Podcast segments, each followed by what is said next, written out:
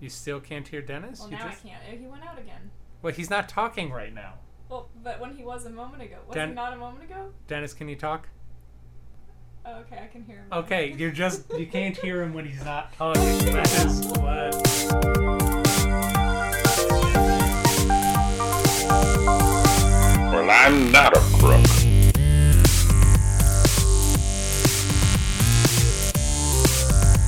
but because they are hard.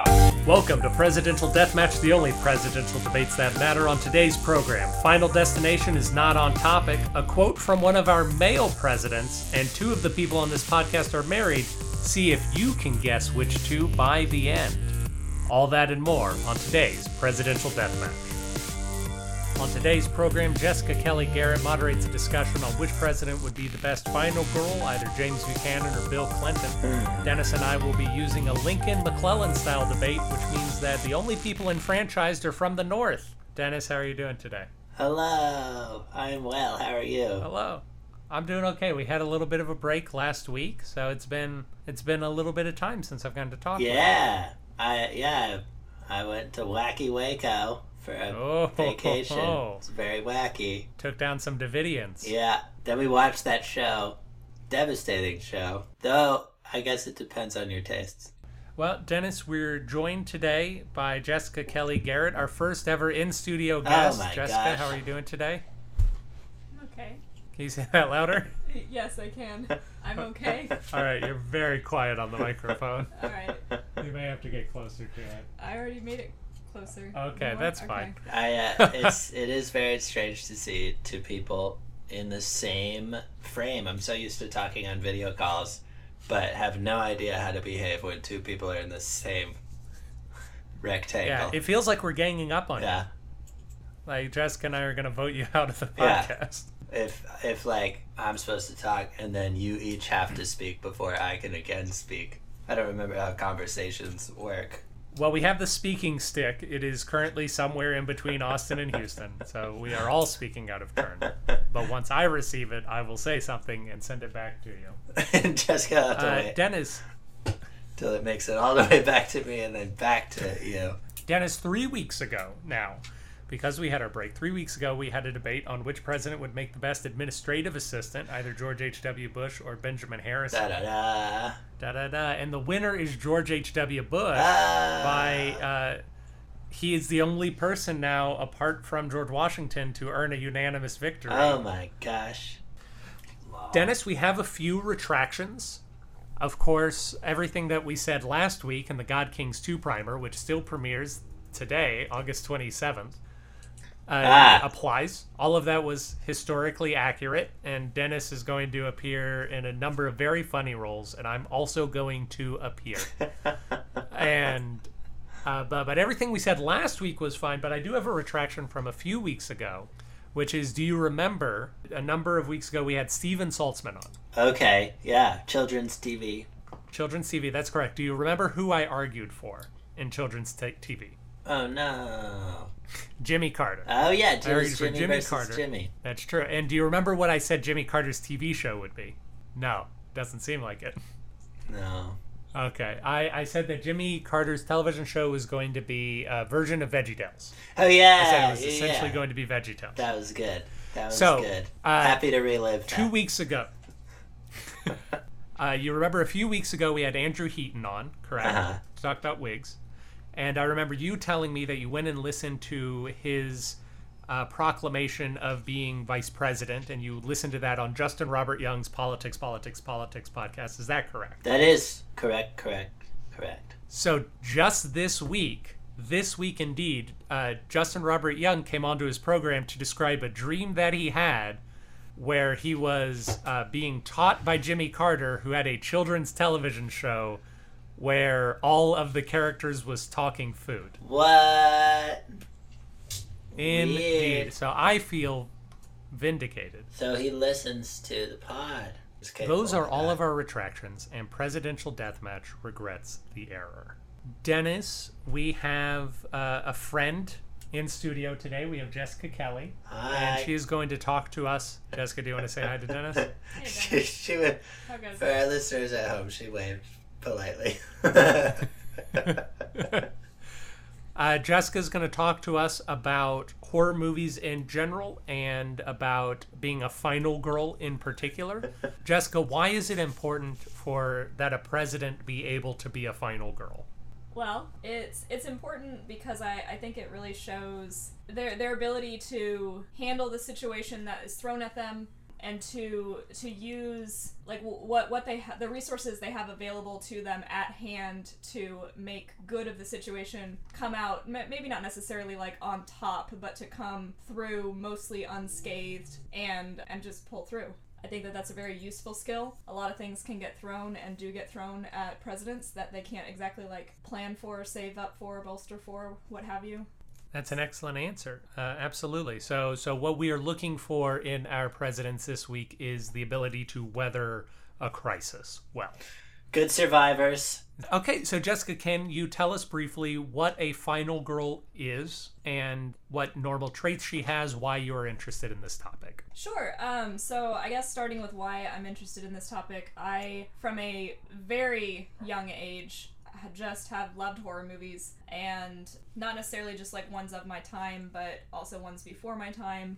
That carried on also into video games. And I, I think like not just myself, but general American or just people, just people like you, they like the horror genre for some reason. Like people like being scared, something that you're drawn to. Um, and I feel like even if you aren't necessarily a female, the final girl is someone that everyone can kind of in a way relate to because of who she is. Uh, a lot of she's sort of like the girl next door. She's not like the hot blonde cheerleader. She's normally just like the pretty attractive but not necessarily hot like um, brunette. The the friend, a little bit nerdier, more studious.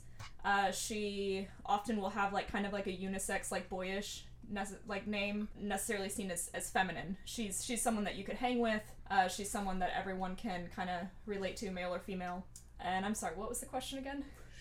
The question was just, uh, what is a final girl? Oh, okay. Yeah, okay, I was stuff? answering yeah, that. no, Yeah. you, you definitely are answering the question. Uh, and then, of course, the most important aspect of the final girl, aside from that she's more observant than her friends, that's kind of just a trait that really allows her to survive, out, outlast all of her friends, and survive to the end, overcome her killer using what's around her, her smarts, her wit, her environment to survive and overcome. Yeah, I think that's one thing you mentioned that that I think's really interesting, and I forgot it.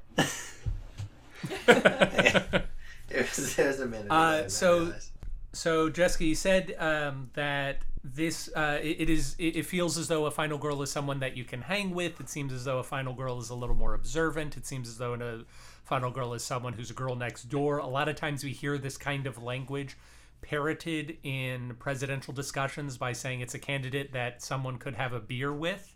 So, do you think that the relatability is a- an incredibly important part of being a final girl, and how does that play out? Uh, how does that play out in the films? Well, I think the relatability is really actually more for the the viewer of the movie because like uh, um, in the environment in the, like the friend group or non-friend group that she is she's a little bit more of like the outsider she usually is the one she doesn't have a boyfriend she's uh, like i mentioned before she's kind of more studious more nerdy. She's more concerned with like real life and not partying and having sex. And she she's just she's a little bit more of the outsider. Uh, whereas to the viewer they try to make her relatable to everyone because they they being the writers of these slasher films want men and women boys and girls alike to come and see them and enjoy them and want to consume this media. Yeah, so I guess it depends on what you think the American public is, if they're more of the viewer of these films or if they're participating in the world with her as like her her friend group and her peers. Right. Yeah, I thought it was something. That's what I was trying to remember a minute ago. Is what you're kind of getting at here too, which is something I was reading was saying that a big part of why it's always a girl is because it, they just are better at portraying abject terror. Uh, like you can't get like a really good scream from a guy. Like no one like because guys won't enjoy watching a man terrified. They'll be like that was upsetting. Where, Yeah. Is that, thing I was reading was also suggesting that uh, part of it, but part of what they do uh, at the end is at the beginning there was of this tradition. There was like a damsel in distress moment at the end where some guy came and saved her, and then like more then it became okay. Then she like uh, she she does it herself, but that it's still this moment where like anyone would be like, yeah, like you picked up a weapon, you freaking got in there. Uh, you know. Excellent. sorry.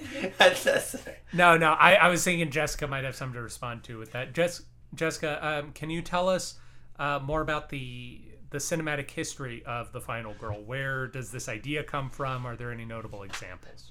Um, a little bit. I so I did do research for this. It's been a couple weeks, and my notes are lacking. Uh, so there's actually the woman that coined the term "final girl," Carol Clover. She wrote like an entire book about this.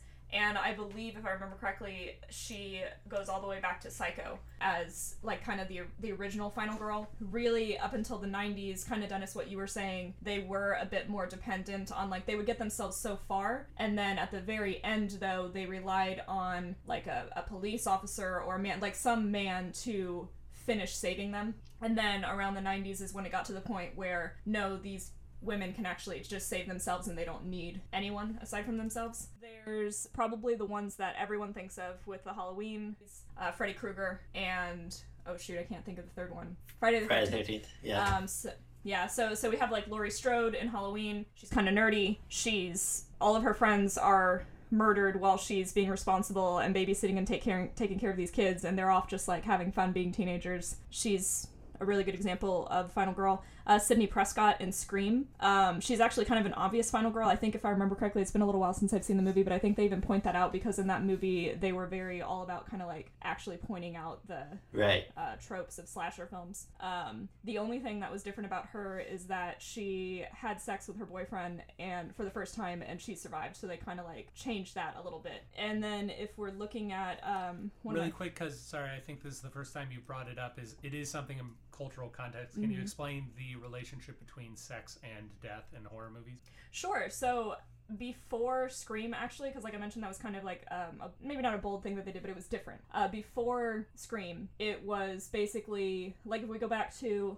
Laurie and Halloween, her friends are off in another house, they're having sex. And then they're they're murdered. Like basically, if you're if you're not virginal and virtuous, you you die. Usually, you die like right after having sex. Um, actually, in in Wrong Turn, which I think was the early 2000s, one of my don't judge me for this, probably one of my favorite horror movies. The first couple to die of the main characters that we meet uh, had oral sex right before they were both murdered. So that's just a traditional Right. horror slasher film trope. It's very biblical.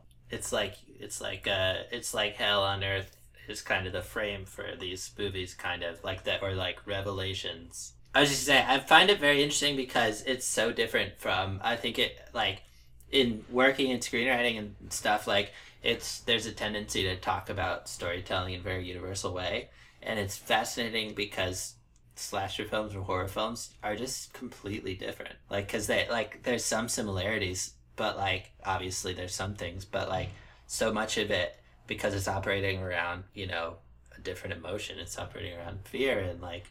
Uh, and all those things that the whole thing just operates very differently than a lot of movies that I'm used to. And I'm I, I never have done well with scary movies, so it's also like very unfamiliar to me. So when I read about it and stuff, I'm always like, this is super interesting. Yeah, and and kind of talking about like the fear that you were talking about. Um, I feel like the at least for me, the final girl is also always the one that I'm always rooting for. She's the one that like when you're telling them, no, no, don't don't t- open the closet, run away. She's the one that doesn't open the closet. Right. She's the the smart one. Yeah.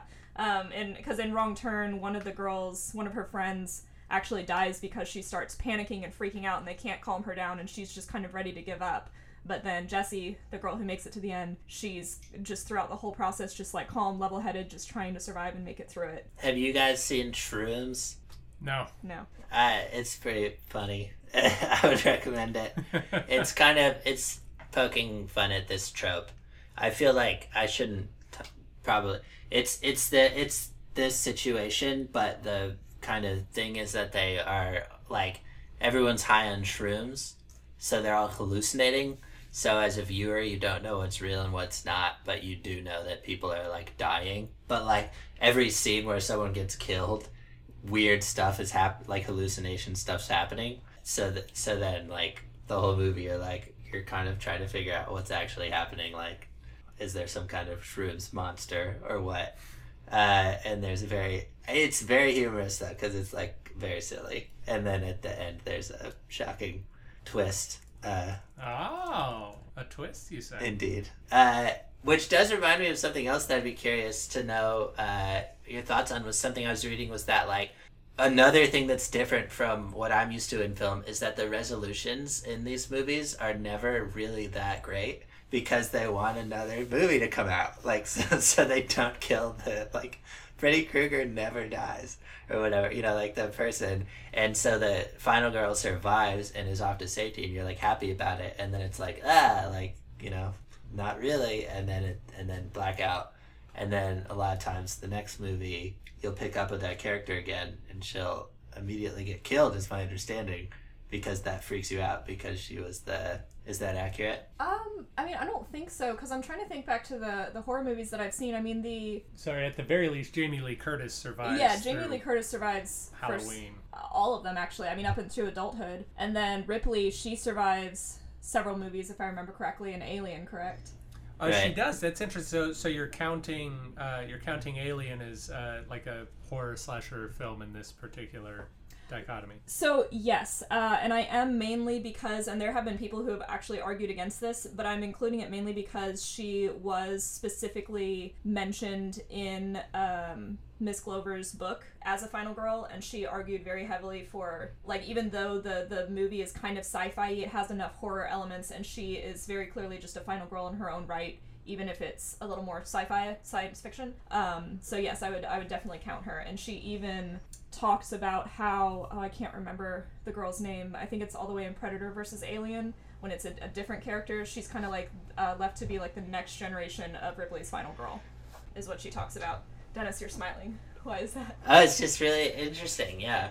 Uh, I know that in my favorite, uh, like Dennis, I am not a horror movie fan, uh, but in my favorite horror movie series, which is Final Destination, there is a significant amount of you cannot escape this. Like you feel like you can escape this, but in reality, you cannot escape this and you will die. And in fact, they do explore in Final Destination 2 with Ali Larter's character. She has shut herself away from the world in order to maintain her survival. And then, as soon as she leaves her safe bubble, she is uh, murdered. But that has very little to do with Final Girls or horror movies. Jessica, what else do you have to say?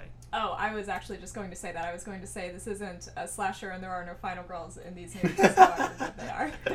Uh, I, I would say that Ali Larter is a final girl uh, for Final Destination 1 and 2. All right. Uh, So yeah, you had mentioned. I thought it was interesting. You were talking about the quintessential uh, final girl kind of tropes. How about what? What I haven't seen Scream either. Did it do other things that play with that? Like, does she have a, a boyish name in that and stuff? Or you were saying that in some ways they subverted it kind of on purpose.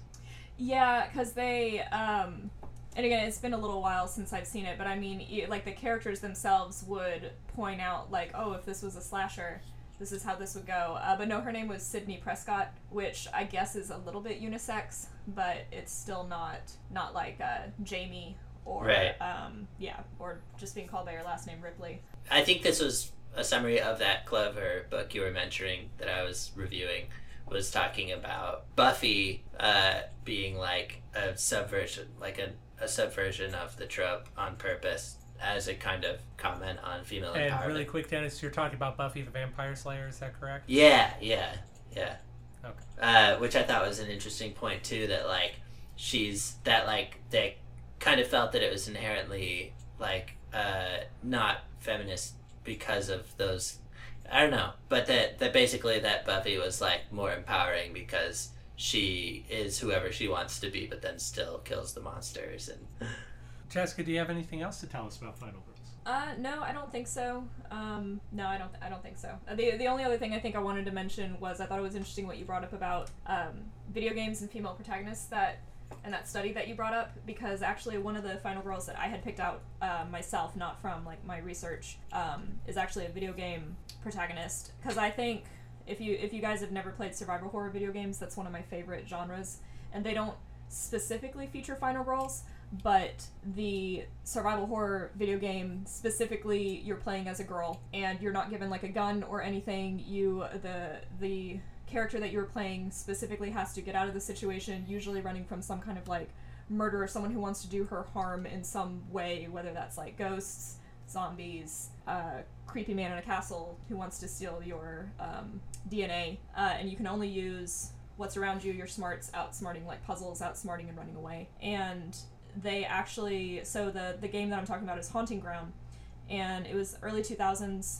The main character is Fiona, and they Capcom specifically didn't think that retailers and players would go for a female protagonist, even though they had known before they made this game that that was what their next game was going to feature.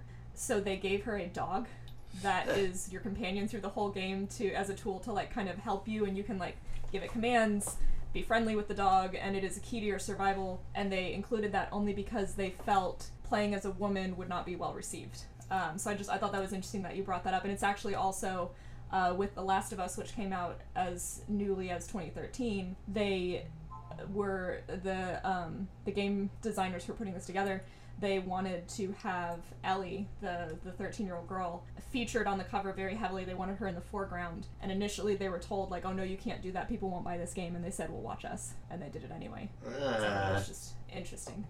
All right. Well, Dennis, uh, do we want to do a presidential quote or a today in history? I've got both. Oh man, uh, I'm down for a presidential quote. All right. So Jessica asked for a presidential quote about Richard Nixon. Richard Nixon is a no good lying bastard. He can lie out of both sides of his mouth at the same time, and if he ever caught himself telling the truth, he'd lie just to keep his hand in. Just to keep his what? Hand in. It's a poker metaphor, I believe. Ah, good old poker metaphor. All right, so Jessica, you and Dennis can ask me questions about this person or this president to help you narrow down who you think it is. Yes, um, were they female?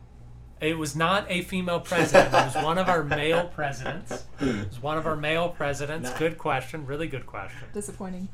Well, I can't control what people say.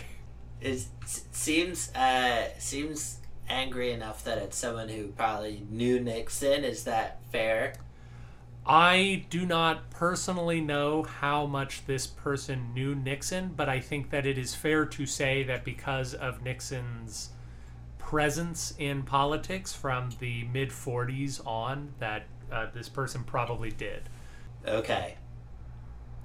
Uh, I will also tell you that it is unlikely that anyone before Hoover knew Nixon and that anyone after Bush knew Nixon.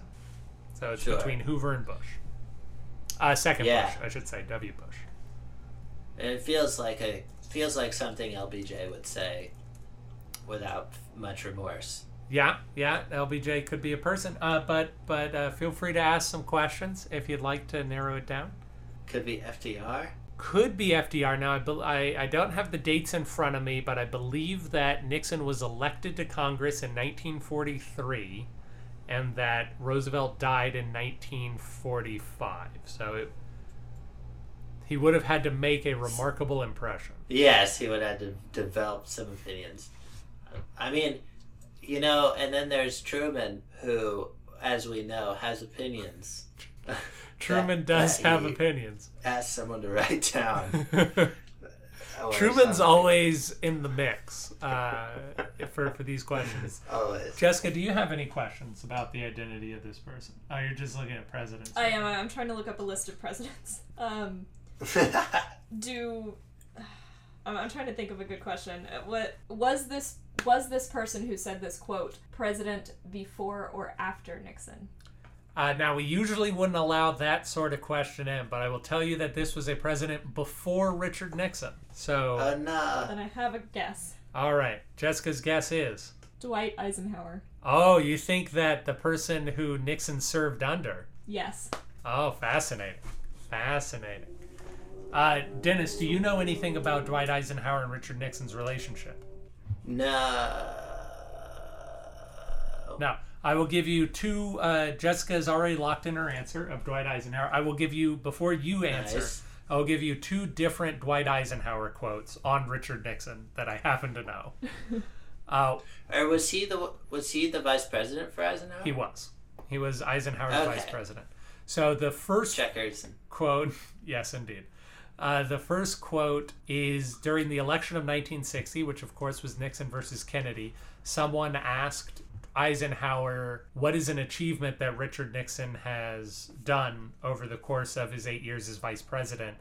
And Eisenhower was quiet for a moment and then said, If you give me a week, I might be able to think of something. And then uh, later on in his life, Eisenhower was quoted as saying that one of his biggest regret, regrets was not doing enough to help Dick Nixon win the election of 1960. Ah, So, Jessica, you are guessing Dwight Eisenhower. Dennis, you know that it is before Nixon, which means it is Hoover, Roosevelt, Truman, Kennedy, Eisenhower, or Johnson. Do you want to ask a final question before you lock in your guess? well, that last quote you said. Did, did he say that he wished he'd done more in his? He wished he'd done more to help in the 1960 election to help Dick Nixon, or did he say that he wished he'd done more in the 1960 election to help that Dick Nixon? Uh, he wished he had done more in 1960 to help Dick Nixon, which was Okay, that okay. Dick Nixon. Now I'm gonna stick with uh, LBJ. You're to stick with LBJ. Well, I am afraid to say that nobody got it right. It is, of course, that No! presidential opinion Truman. haver, Harry Truman, who said in our official Harry Truman voice Richard Nixon is a no good lying bastard. He can lie out of both sides of his mouth at the same time, and if he ever caught himself telling the truth, he'd lie just to keep his hand in. awesome. It's so funny because like Truman on the one hand from from doing this podcast, I feel like I've learned that he's one of the great presidents, really. Like he did a good job. Yeah. and on the other hand, he's like the most opinionated in whatever this book is that you have. he he doesn't have uh tact might be a good he either doesn't care or he doesn't have tact but i don't know to what extent he had the the deal making gene with that said we are going to take a quick break and when we come back we are going to argue about whether james buchanan or billiam clinton will be the best final girl welcome back Thank you. I was just gonna say there's one fun fact about Bill Clinton I learned that I hope comes up Okay, so you don't want to say what that fun fact is. You just want to hope that it uh, it miraculously appears. Yeah, I you would think I'd have enough control to make sure it happens, but we'll see. So Bill Clinton is, is a God-fearing Baptist. Was even described by a reverend as more deeply spiritual than any recent president at the time of his presidency. So I figured I'd throw that out just to open it up already on a good good page. But of course, we do know that despite that, he struggled with goodness and not putting himself first in the very traditional sense from an audience perspective with the Monica Lewinsky stuff, uh, among many other scandals of those sorts. But did the audience deem him worthy to survive in the end? I think they did if what we think of as survival in this instance is hit the president's legacy. So the end of his presidency, even though the scandal happened towards the end of his eight years, he was one of the most positively polled presidents in history. He polled better than Reagan and Kennedy, even coming right out of it. And that's because he's a survivor, like we've been saying. And when you look at his political career, you can see that as well. He lost governor election early on. He, he ran for Congress when he was 26 and lost that. Uh, but he just kept going and uh, ran. He pretty much w- he was a lawyer for two years because he was running for office of any kind so frequently for his whole life that he was bound to become president because he was so determined. And uh, he pushed himself to be more moderate and came up with this centrism, this, um, despite being a Democrat, that eventually got him to where he needed to be. And then he did whatever he had to to cement his legacy as being fairly positive. Now, is it perfectly clean? No, but neither is the final girl's resolution. And uh, then the last thing that I think he did is he really set himself up for a sequel, which we almost got. Uh, and I think that parallels pretty nicely as well. If one knows anything about James Buchanan, it is the extreme degree of his virginity. James Buchanan, of course, is our only bachelor president, and that was largely what I had intended to base my argument around was the chastity experienced by James Buchanan matching the chastity chastity of the heroes of our final girl narratives. However, when I began to dive into the life of Mr. James Buchanan, our 15th president, I learned of so many more things that points to his survival nature. In the presidency of Andrew Jackson, there was a a scandal called the Peggy Eaton affair, uh, which I'm not going to dive into the details unless our moderator asks questions. But suffice to say that it sullied the reputation of almost every Democrat involved in it, except for James Buchanan, who was handily ambassador to Russia at the time. And so when he returned from Russia, he was one of the few Democrats to not have been touched by the Peggy Eaton affair who still had national prominence, which allowed him to become Secretary of State under James K. Polk and later to be a good compromise candidate for the Democrats during the uh, 1856 season. We may criticize James Buchanan for not being reelected, but at the same time, he got out of the Civil War before it really heated up. Uh, he was uh, he was a guy who knew when he needed to leave and had the power to do so.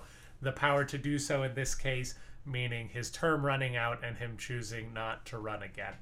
James Buchanan uh, ultimately is a person who uh, is very relatable to an audience. Of course, his name James very masculine. It is not feminine at all. I feel like that is an important part that our moderator brought up before.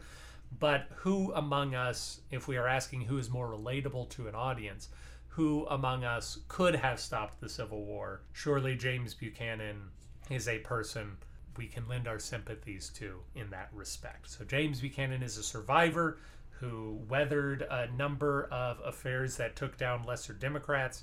He is a chaste man whose focus was on the task at hand, that being ruling the country. And he is a person who has perhaps more in common with the common man than the common man would like.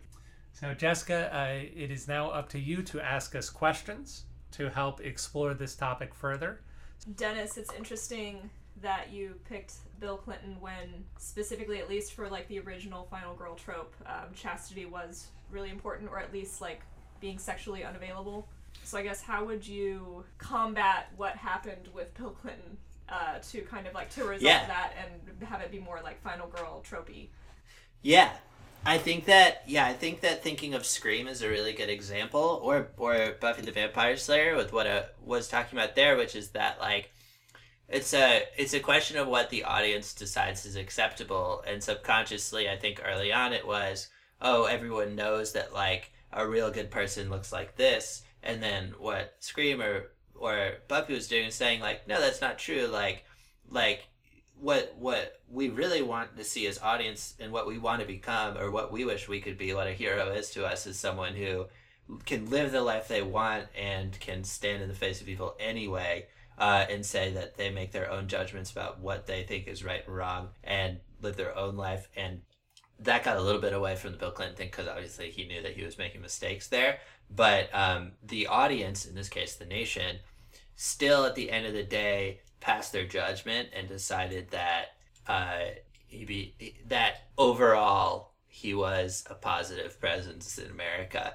uh, which was all he wanted in the first place, and that comes from like the polls that they did after his presidency and everything. Or there's even a quote that I don't remember specifically, but like in some paper or something at the time, which was just that like you know uh, he was like he he was a a mess and man he was so great for this country kind of thing, basically saying like that like he you know he, he's like he is the tro- he is a trope in and of himself which is another parallel that i like a lot. He is what you know house of cards is thinking of. He's what like the consciousness is thinking of when we think of like politician. His stepdad was like literally a used car salesman and like he brings that with him into the whole politics universe and then that's what we think of as politicians. Like yeah he's like got these sex scandals and like I'm sure there's a million more and he's got like this and that and everything. But at the end of the day, for whatever reason, America says, you know what, like the economy did really great while he was president and all this and like uh, you know, I think maybe economists that are looking at a more complicated lens even might say, oh, it's not totally perfect, but like at the end of the day, he was one of the most positively remembered ones, and so I think it's almost like looking at those heroes from uh, some of those more recent ones that are challenging the trope itself and saying that it needs to be advanced a little bit to actually look at what matters. And uh, he's a similar similar case. If that makes sense. Okay.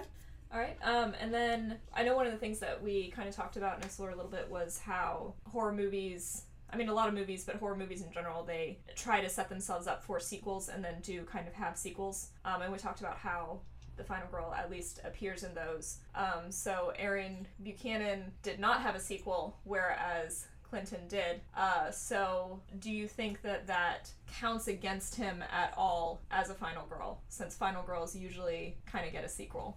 Well, I would argue that Clinton didn't necessarily get a sequel. I, I would say that uh, Clinton's survivability began in his second term, and we did not get to see whether, because of the strictures of the Constitution, whether he would have gotten a third term, uh, if that makes sense. Like, I don't think that getting reelected is a good benchmark for did, did someone get a sequel because we didn't learn a bad thing about him unless you want to talk about whitewater and let's not talk about whitewater right now.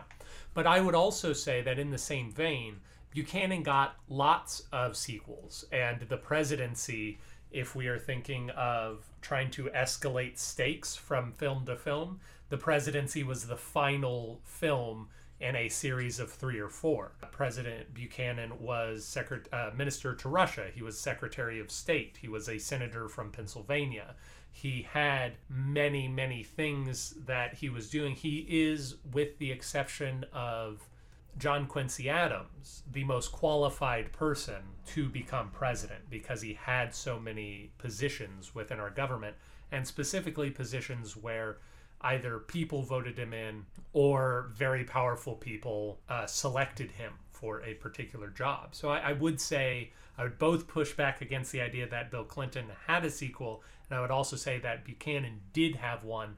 It's just that the presidency was the final film in his trilogy. Okay.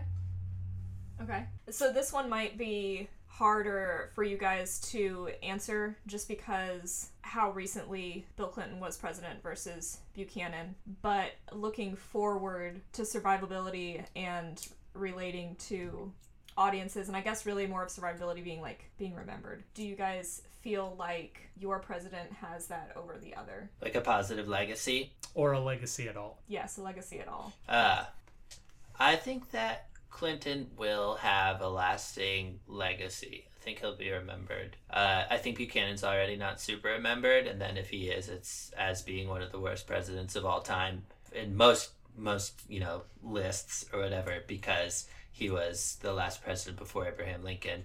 Of course, it's like would Lincoln be remembered as the worst president of all time if there'd been one more before the Civil War started? Who knows? But like, um, he certainly was a little bit. I would watch. I would watch a series uh, with many seasons just about Buchanan living in Russia as ambassador to Russia and like taking a boat over there in the 1850s and just being Buchanan. But anyway, I I I think that yeah, I think that Clinton will be remembered positively because the economy did well. Something I was listening to is talking about how made in China is kind of like a Clinton thing. He's certainly, I think, in these days remembered as being a moderate politician when who worked to try to work with both aisle sides of the aisle. Uh, but I think that's particularly because we're having such trouble with that right now. Uh, but who who knows if that'll be remembered? But yeah, I I find it. I I think that Bill Clinton has less of a chance to be remembered than James Buchanan does. Partly because exactly what you said earlier, Dennis, that the more you look into Harry Truman, Harry Truman was one of the greats, and Dwight Eisenhower was as well both of them had really strong economies, but they aren't super well remembered now. And it's just because there wasn't a war and there wasn't a major event that happened in their presidency that sort of solidifies them in the minds of Americans. We've spoken about that on this program the uh, the feeling of being a wartime president and how that tends to make us think of people more strongly. And so I think that Bill Clinton will kind of be the next Chester Alan Arthur, be sort of a victim of his own success in that he managed to avert a great many disasters and left the country well off. And he is going to be sandwiched between uh, like he is clustered around Bush, for whom the Iraq War is a, and 9/11 is a major event, uh, and he is around Reagan and the other Bush, uh, for whom uh, all sorts of Russia things. Now, granted, James Buchanan, as you said, is primarily remembered for being the worst president, and that mantle may soon be taken from him as well. But Yeah. I, I think that James Buchanan's position will a- always be there because he was such a failure before the Civil War. Like he was such a, a, a just de- definable failure before the Civil War. I think that he will never be forgotten.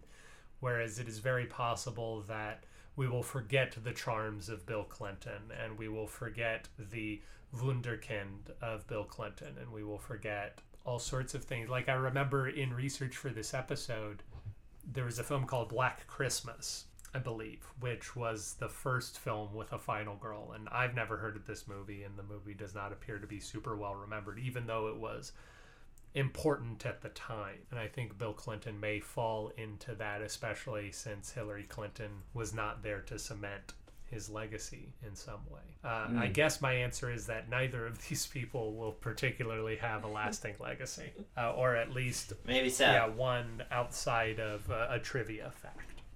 I remember reading an interesting article that was talking about like the songs that like that that the Journey song, uh, "Don't Stop Believin'," was like just another song when it came out. It was just like a song. It was like you know mildly. It was like yeah, it's another song, and for some reason it's like stood the test of time and is like one of the most like American beloved karaoke songs and it was talking about how like you can't like hear a song and know that it's gonna be the one that's like still around Yeah. In in baseball stadiums in you know 2020 but like for some reason like it will be unless it's rihanna everything rihanna does obviously will stand the test of time but other than that Um, so one of the things that Carol Clover touched on in her book um, that I was reading, and actually, and for the record, the book is actually called "Men, Women, and Chainsaws: Gender in the Modern Horror Film," uh, written in 1992.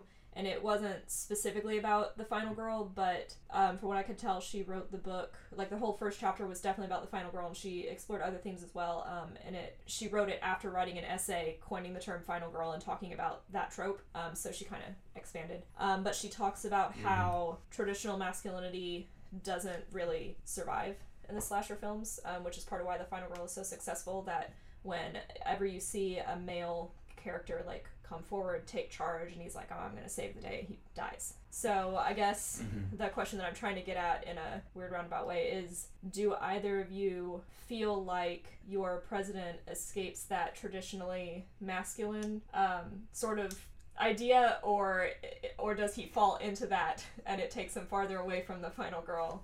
Well, I would say if you know, I c- if I could have chosen Hillary for this question, I think that I would have for sure, uh, because she's because they're so the two of them are you know have kind of been through it all together, and she would just as a female exemplify things a little more cleanly. But I guess that's just to say that he he has always like like he he he values Hillary a lot, and they've always kind of been partners in crime. I mean, obviously he's had problems valuing her at times, but I think that professionally speaking, they they have each other's backs. I think that would be hard to argue with, and uh, and even just that considered, like they're they're political equals, like they both won the popular vote, you know. so like I think insofar as that goes, he's not like about to say, "Let me handle this" for like. But I think that the Buchanan answer is more interesting, so I'm gonna pass the torch. I mean, the Buchanan can't, uh, answer is more interesting, but it is also more stereotypical. Buchanan was uh, is rumored to be our first gay president, which in the 1800s was very not masculine. and he had a nickname around Washington, which was Aunt Fancy. Yeah, he was called Aunt Fancy uh, because they they found his mannerisms very effeminate, which is probably it, Indeed. Yes, I, I could probably go on, but it is probably wisest just to Yeah. to leave it at that. Is that James Buchanan was not looked on as a particularly manly person. He was certainly was not. Well, there are a number of essays that go back and forth as to how intelligent James Buchanan was or how skilled he was at achieving his goals, but he was not particularly decisive. He was not particularly a fan of executive power, which is kind of the analogous thing I would say to masculine energy is saying, this is what we're going to do. We're not going to go through Congress. So I would say that uh, Buchanan certainly isn't traditionally. Yeah, that's a good point. Clinton was also, I guess, a big. Uh, he was big into, you know, trying to trying to recognize what people wanted and do that, which kind of falls back to what morality is meant to be about, which is considering what the collective might want. And I think he was good at that. I think that's what he was dedicating his life to. So, but I do think it's interesting, Buchanan. I think that like it almost feels like because it's an interesting thing because it's debated whether he was gay, but like I don't know. I mean, and I haven't looked into it that deeply, but just knowing that like almost all of history is probably written by people who are a little uncomfortable with the concept. It's and how clear it seems despite that. It seems like uh, pretty likely The the pro- to, to yeah the problem with the argument, in my opinion, is that number one, it isn't. It doesn't have anything to do with his like what he was actually doing with his life. And it almost seems like a way to try and say our worst president was a gay president, which I don't like either. And then uh, another Sure. major issue that I think I have with it is if he were gay, he clearly didn't want anyone to know about it. And is it okay to out someone just because they're dead? Uh, and that you shouldn't out somebody without them uh, having told someone before? And does that just fly out the window because he's famous? Does it fly out the window because he's dead? Does like why why do we think Yeah. it's okay to speculate about uh, a man's sexuality who was president when we wouldn't think it's okay to speculate about a current woman's sexuality or current like granted people still speculate about Cory Booker's sexuality but there are a lot of people saying that's an inappropriate thing to do which is the Right, where I yeah. would fall on it probably Yeah, I think that's super fair, and I'll, I'll stop speculating. I think that the my only other kind of take on it would be like I think that the impression that I was getting was maybe like less that he wouldn't he wasn't interested in that being public information, and more that like anyone who wrote things down wasn't interested in that being public information. If that like he very specifically asked for all of his papers to be burned after his death. He he didn't Oh, yeah, really? he did not want anything that he had written in private to be made public. The other thing uh, is that a lot of the speculate a lot of the speculation is built around three things that have other uh, arguments against them. Number one being that he had a, a fiance that left him very suddenly. Uh, number two being that he was a bachelor his whole life, and number three that he lived with a close male friend called William Rufus King, and that third one is uh, who's vice president under Franklin Pierce, incidentally. That third one is the one that a lot of people point to. Oh, that was his lover, but that also seems to suggest that men can't have close friendships without it being romantic in nature, and that's another thing that I don't, I don't particularly like. Yeah, Like- yeah, and I think yeah, I, I agree. And then I, and again, I don't want to harp on it, 'cause- but I think William Rufus King. I think part of it too is that he was also like described in similar ways. Yeah, which which is true. Like then- it's entirely possible. I, I Yeah. just yeah. and Yeah. yeah, because I do. I think what causes me to flip flop is like that. I also don't want to like. I don't want to be like. Sh- I don't want as like. I don't want American history to be like ashamed of that. But I get what you're saying, where it's like if it, it's still if it's because if it's not speculation, then it should be something that like our history owns. But the fact that it is speculation, and it does seem like Buchanan didn't want this to be, didn't want us to dig into his personal life. Like I, I want to respect that for sure. Yeah. Well, Jessica, do you have any other questions for us? Every final girl has trials that she's going through, and then ultimately um, a a killer that she's trying to like defeat and overcome. Um, so I guess for each of you, what was and again you you might have touched on or answered this in your intro, but maybe go into more detail. Um, what was your president's killer that they overcame using what they had at hand? Yeah, I think that the what I was considering it to be for me was like a positive legacy, and I think that yeah, like we were saying, like maybe down the line that won't turn out to be there, but so far, like despite a lot of trials uh, or a lot of you know a lot of obstacles, I think that uh, Clinton has managed to like have a positive legacy, and it feels very much like that was the fear that was driving him from the beginning uh, to go into po- like he literally finished law school and like a and and ran for Congress and then like didn't get it and then like was like devastated and then like ran for attorney general and then got that and then governor and then lost governor and then was like really devastated and then got governor again and then had it for 10 years and then ran for president. It was like he, he got there as fast as he could um, you know very much something to prove and i think it was for everyone to say you're great. And so and then after you know he's president he thinks he's gotten it and then six years in has this whole big scandal and and then lied about it and everything. And then I was like ah. And then coming out of his presidency still had this positive regard. And i think that that was something that he had he put a lot of work into getting and almost screwed up and then uh, on multiple occasions and then tried to learn from it and managed to succeed in the end. If I am giving so far. a glib answer, I would say that James Buchanan's monster that he was fighting was the abolition of slavery, which he managed to defeat in his term, but when it came back for a sequel, uh, sadly destroyed the life that he knew. But if I'm giving a potentially more positive answer, uh, it would be his monster would be north south sectional divide. So slavery was always an issue that really divided America. James Buchanan is our only president from Pennsylvania, which is a state that it, the geo- geographic makeup of the United States at that time was in a very weird place because it wasn't south, but it wasn't al- aligned with New England and New York in the north. And so Pennsylvania was uh, like Pennsylvania was the first Midwest state, and so it was sort of like there was the north and there was the south and there was Pennsylvania and Pennsylvania was just hanging out by itself. And he did a lot of things early in his career to really balance whether or not he was seen as more north favorable or north more south favorable, and he managed to kind of walk the tightrope to continue to be effective at his various governmental posts uh, up through the presidency. Okay.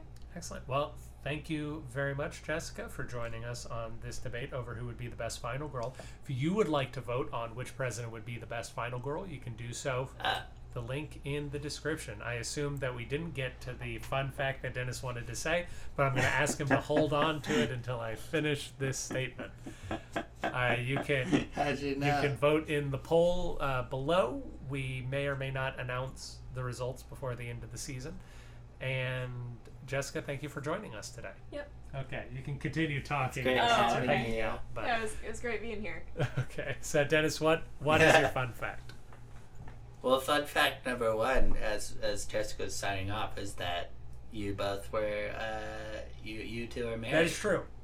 and that happened and that happened on my birthday. Oh, that's How true. fun. And uh, fun fun fact number two, I can't believe I didn't think to bring up at any point, was one of the things I was listening to said that it's estimated that Bill Clinton knew between twenty and thirty thousand different people's names and faces and like a fact about them at once. That reminds something else I wanted to recommend.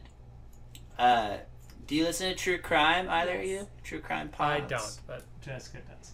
So Ashley Flowers is so she's like she's like one of the podcast magnates because of that podcast, which is like one of the main true crime ones. And she just started a new. She always st- has new projects, and she just started a new one called uh, "Very Presidential," and it's just about how horrible all the presidents are. It's great. I don't. I don't like her hoarding in on It's the- our I was gonna say it's competition. I know. Maybe she. It's it. I would think of. I would because it where we tend to be pretty respectful of the presidents and avoid and, and talk very lightly of their scandals. I think it's a great pairing. it's really the wine to our I think she should uh, stick to true crime. it basically is true crime because of how terrible the things she talks about are. Uh, Carolyn and I, it's the only podcast we can listen to together. Could be the same for y'all, uh, unless you have other podcasts you listen to. But uh, she's done Kennedy and Grover Cleveland and LBJ so far, Yeah, those are pretty solid choices. talking about. For those are not bad choices if you want to talk about some skeletons in people's closets. She talk about the mouth cancer thing, or did she talk I- about the kid? Yeah, Both. Okay, Both. cool. but For Grovical. the the kid stuff, her her research and her perspective on it, it makes it sound like a lot worse than I had previously realized. Uh, it's brutal listening. And the yeah, and then she said that the next episode is going to be another lesser known president. So I think it's going to be Franklin I think- Pierce with the horse. thing. Yeah. Well, that's uh, not true. Oh Yeah, really? Unfortunately, that's not true. This campaign propaganda was thing. propaganda. Uh, yeah, Franklin Pierce would be a good choice, or uh, Polk. Polk might be a good choice.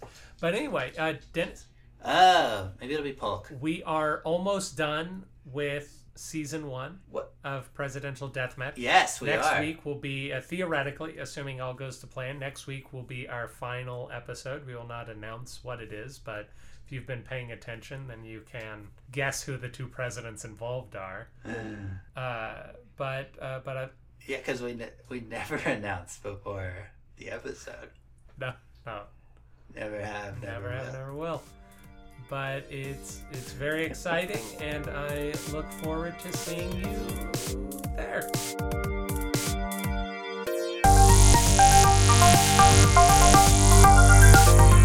Thank you for listening to Presidential Deathmatch. Presidential Deathmatch is a production of Pronoia Theater. You can find more out about us at pronoiatheater.com. This program was edited by Aaron Garrett with music by Dennis Buddy and hosted by those same two lovable goofballs. You can always email us at contact at pronoiatheater.com. If you enjoyed the program, we ask that you rate and review wherever it is you found us. It really helps us out. And if you didn't like the program, why don't you stick around? We really grow on you.